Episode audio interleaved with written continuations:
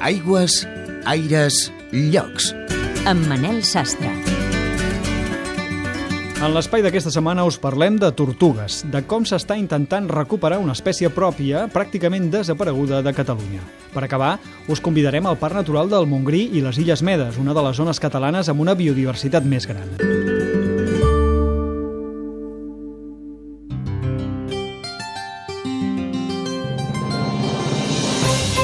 Recuperar una espècie autòctona pràcticament desapareguda significa reforçar la biodiversitat dels ecosistemes a casa nostra.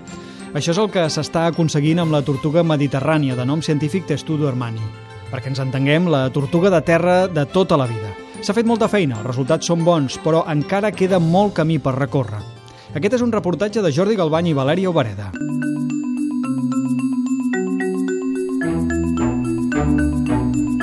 Si mirem segles enrere, la població de tortugues mediterrànies anava des d'Itàlia fins a Andalusia recorrent tota la costa, però va arribar un moment en què va desaparèixer de la península ibèrica tret de la serra de l'Albera i als anys 80 van començar els projectes per evitar la seva extinció total. Albert Martínez, director científic del CRARC, el Centre de Recuperació d'Amfibis i Rèptils de Catalunya.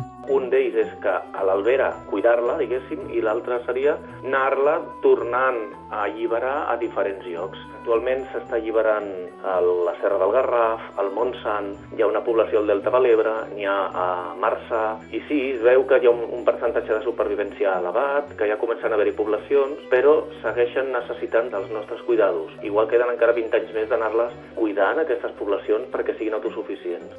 Així s'ha passat d'una població de pocs centenars de tortugues als anys 70 a prop de 10.000 actualment. Sapiguem un dels principals problemes als quals s'enfronta. Laura Riera, responsable de fauna salvatge de l'Organització Protectora d'Animals FAADA i col·laboradora de la Generalitat en la reintroducció de la tortuga mediterrània.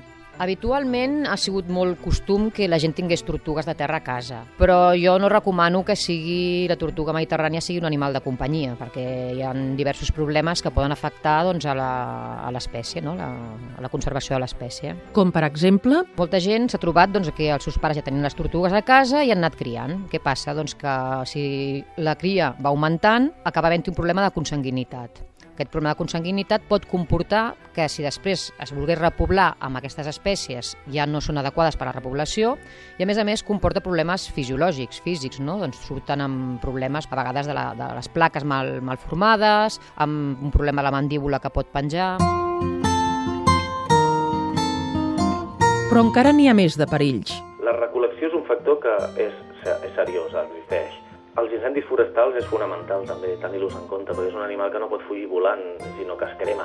Després tens els depredadors, però els depredadors, quan la, la població de tortugues és molt alta i molt bona, els depredadors no fan res. El problema és quan les tortugues han anat disminuint, disminuint, disminuint, queden poquíssimes i hi ha els mateixos depredadors. I llavors sí, aquest desequilibri ara realment és una, una amenaça i una recomanació per si mai veiem una tortuga al bosc. Si trobessin algun dia una tortuga, que la disfrutin, que li facin fotos, que celebrin que han trobat una tortuga, però que la deixin on estava. Això és fonamental, que aquest animal és un animal salvatge. Igual que no t'emportes un escurçó a casa o un senglar a casa, doncs la tortuga és un altre element mediterrani que s'ha de deixar al bosc. Les veus dels llocs. Hola, soc Ignasi Rodríguez, eh, subdirector general de la Biodiversitat i actualment director en funcions del Parc Natural del Montgrí, les Illes Medes i el Baix Ter. Eh, tothom que vulgui venir en, el, en aquest parc natural trobarà un dels espais probablement més biodiversos que tenim a Catalunya, on tenim al mateix temps eh, espais marins amb una biodiversitat prou coneguda, concretament a les Illes Medes, on trobarem espais terrestres de caràcter forestal amb una gran diversitat de fauna, de flora, de tot tipus, i on trobarem també i potser és un dels elements més, eh, més interessants, uns espais agrícoles amb una gran diversitat i on es pot demostrar perfectament que la coexistència entre l'home i la natura és perfectament possible, no només és possible, sinó que és bona aquesta coexistència per aquesta biodiversitat. Aigües, aires, llocs.